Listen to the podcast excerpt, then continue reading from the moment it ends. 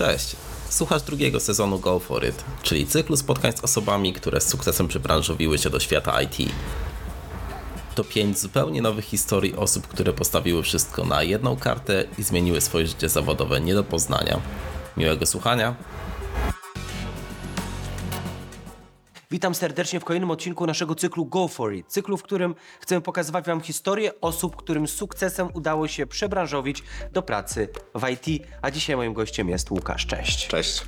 Łukasz, zanim powiemy o tym, e, gdzie w IT dzisiaj pracujesz, to powiedz mi, gdzie pracowałeś zanim się przebranżowiłeś? Najdłuższym etapem w moim życiu zawodowym była praca jako reporter radiowy. Hmm, to stąd ten głos radiowy twój. Możliwe. E, miałem okazję nagrywać tematy m.in. technologiczne. Najwięcej czasu spędziłem w mediach lokalnych. Dzięki temu poznałem bardzo dokładnie miasto. Miałem też okazję pracować w mediach ogólnopolskich. Gdzie? Nagrywać m.in. ciebie. Gdzie mnie nagrywałeś?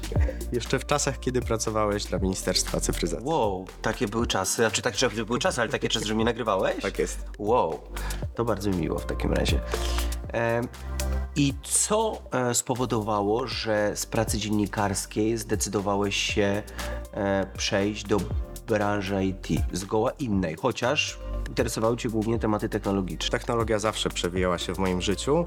Takim pierwszym momentem, jeżeli miałbym sobie przypomnieć, e, to było kiedy w wieku mniej więcej lat 10 zabrałem mamie z półki książkę Podstawy informatyki i na samym Mama końcu Twoja tej książki... książkę Podstawy informatyki? Tak, prawdopodobnie ze szkoły średniej i znalazłem na końcu tej książki kurs Pascala. Jest to język może już trochę zapomniany, e, aczkolwiek to było moje pierwsze zetknięcie z programowaniem i wciągnęło mnie to.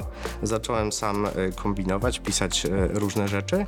E, Następnie w gimnazjum wygrałem konkurs stworzenia stron internetowych, e, jednak moje serce szło w kierunku dziennikarstwa i w momencie, w którym miałem wybór, czy iść bardziej w stronę techniczną, czy jednak dziennikarską, po prostu poszedłem do mediów.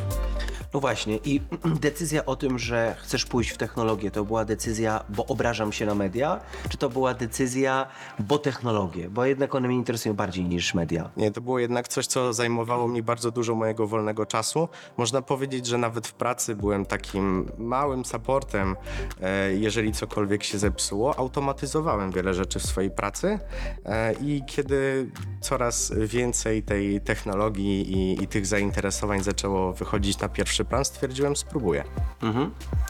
I co dzisiaj robisz? Teraz pracuję w Nordei. Jest to największy bank y, w Nordykach, czyli takich krajach jak Szwecja, Norwegia, Finlandia, Dania. Mamy też biuro w Polsce. W Polsce zatrudniamy około 5 tysięcy osób. E, Działamy w takich miastach jak e, Gdańsk, Gdynia, Warszawa czy Łódź. Bank, który jest y, silnie związany z innowacjami, inwestuje w innowacje. Tak, w latach 60. po Finlandii jeździł bankobus, czyli osoby, które miały daleko do oddziału, mogły skorzystać z bankobusa, e, natomiast zmotoryzowani mogli podjechać do okienka typu drive, więc innowacja jest cały czas w DNA firmy. Dobrze Cię pracuje teraz tu, gdzie jesteś? Tak, Opowiedz, opowiedz trochę nam o, twojej, o swojej pracy więcej. Teraz jestem frontend deweloperem. Przygotowuję panel administracyjny dla naszych klientów, dzięki którym mogą nadawać uprawnienia, e, a wcześniej zajmowałem się backendem, pisałem w Javie i w Springu. Codziennie rano spotykam się na daily z innymi deweloperami. E, Mówimy o tym, co będziemy robić danego dnia. Później przystępuję do pisania swoich zadań. E, To, co bardzo mi się podoba, to że efekty tej pracy są widoczne natychmiast. E, Nie muszę czekać wielu lat na to, co, co z tego wyniknie. Praktycznie na bieżąco wszystko, co zakoduję, jest widoczne na ekranie, więc e, mam od razu informację zwrotną, co mm, bardzo mi odpowiada. Powiedz mi w tym okresie m, m, przebranżowienia się do pracy w IT, powiedz jak on w ogóle wyglądał. To był okres pandemiczny. E, Kiedy Czyli 2019-20. 2020 zdecydowałem się pójść na kurs. To był czas, w którym praktycznie na rok można powiedzieć, że zniknąłem z życia prywatnego, bo jednocześnie pracowałem w mediach i jednocześnie chodziłem na zajęcia i robiłem swoje projekty. E, Natomiast e, ta naprawdę ciężka praca i zaangażowanie, które musiałem w to włożyć, opłaciły się. Sam e, dokształcałeś się, wchodziłeś na jakieś, nie wiem, konta na YouTubie, kupowałeś książki, jakie kursy robiłeś? Jak, ty- opowiedz trochę więcej o tym. Z materiałami online e, one istnieją i są za darmo, aczkolwiek pewnym problemem jest to, że nigdy nie masz pewności, czy będą aktualne e, i czy na pewno doprowadzą cię do tej ścieżki, do, które, do tego celu, do którego chcesz dotrzeć. W związku z tym zdecydowałem się iść na kurs, e, poświęciłem na to rok i teraz sam też szkolę innych. Mhm. Szkolisz innych? Jesteś trenerem? Jestem mentorem, pomagam e, swoim studentom, jakich e, nazywam, choć formalnie e, nie jest to uczelnia. E, pomagam swoim studentom osiągać swoje cele, wskazuję im drogę, materiały, z których powinni się uczyć, ćwiczę z nimi i wspieram ich w robieniu własnych projektów.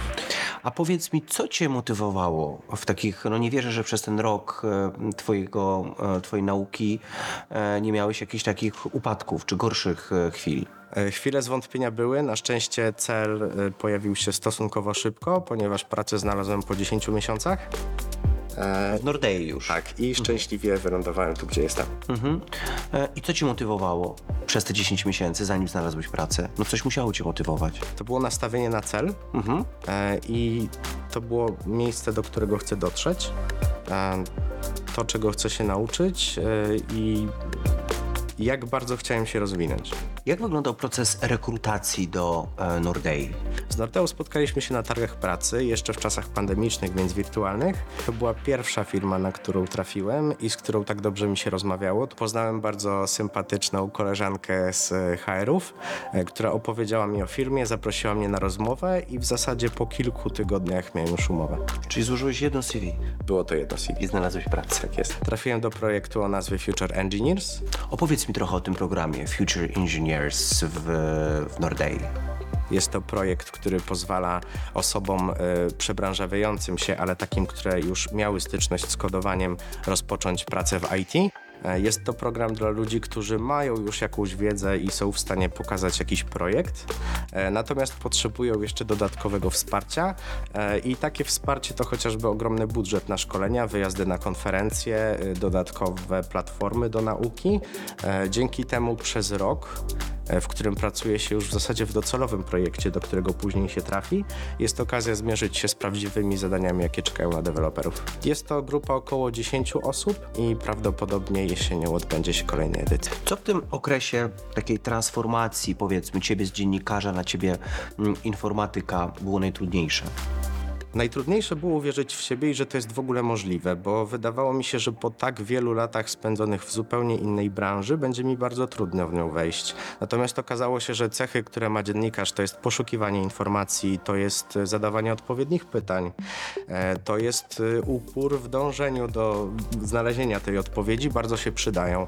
Jednocześnie e, rzadko się zwraca na to uwagę, ale kompetencje miękkie, to znaczy umiejętność rozmawiania z ludźmi, wiedza o tym, kto wie, bardziej niż jaka jest odpowiedź na pytanie, częściej się przydaje. Tak, o weryfikacji faktu, zwłaszcza w świecie czata GPT jeszcze. Łukasz, czyli jak rozumiem, e, ten okres przebranżowienia się był dla ciebie trudny, ale nie żałujesz. Zupełnie nie żałuję. Było co prawda bardzo ciężko i były momenty zwątpienia, ale jest to praca, która przynosi efekty e, i każdej osobie, która czuje, że ma do tego dryg, że jest jej po drodze z technologią, powinna spróbować. To jest zupełnie inny świat, chociażby organizacyjny. E, Jest to praca bardziej usystematyzowana w konkretnych godzinach. E, I jest to też praca, którą mogę wykonywać z domu, co też mi odpowiada. I nie, nie tęsknisz za dziennikarstwem. Zdarzało mi się robić podcasty w międzyczasie.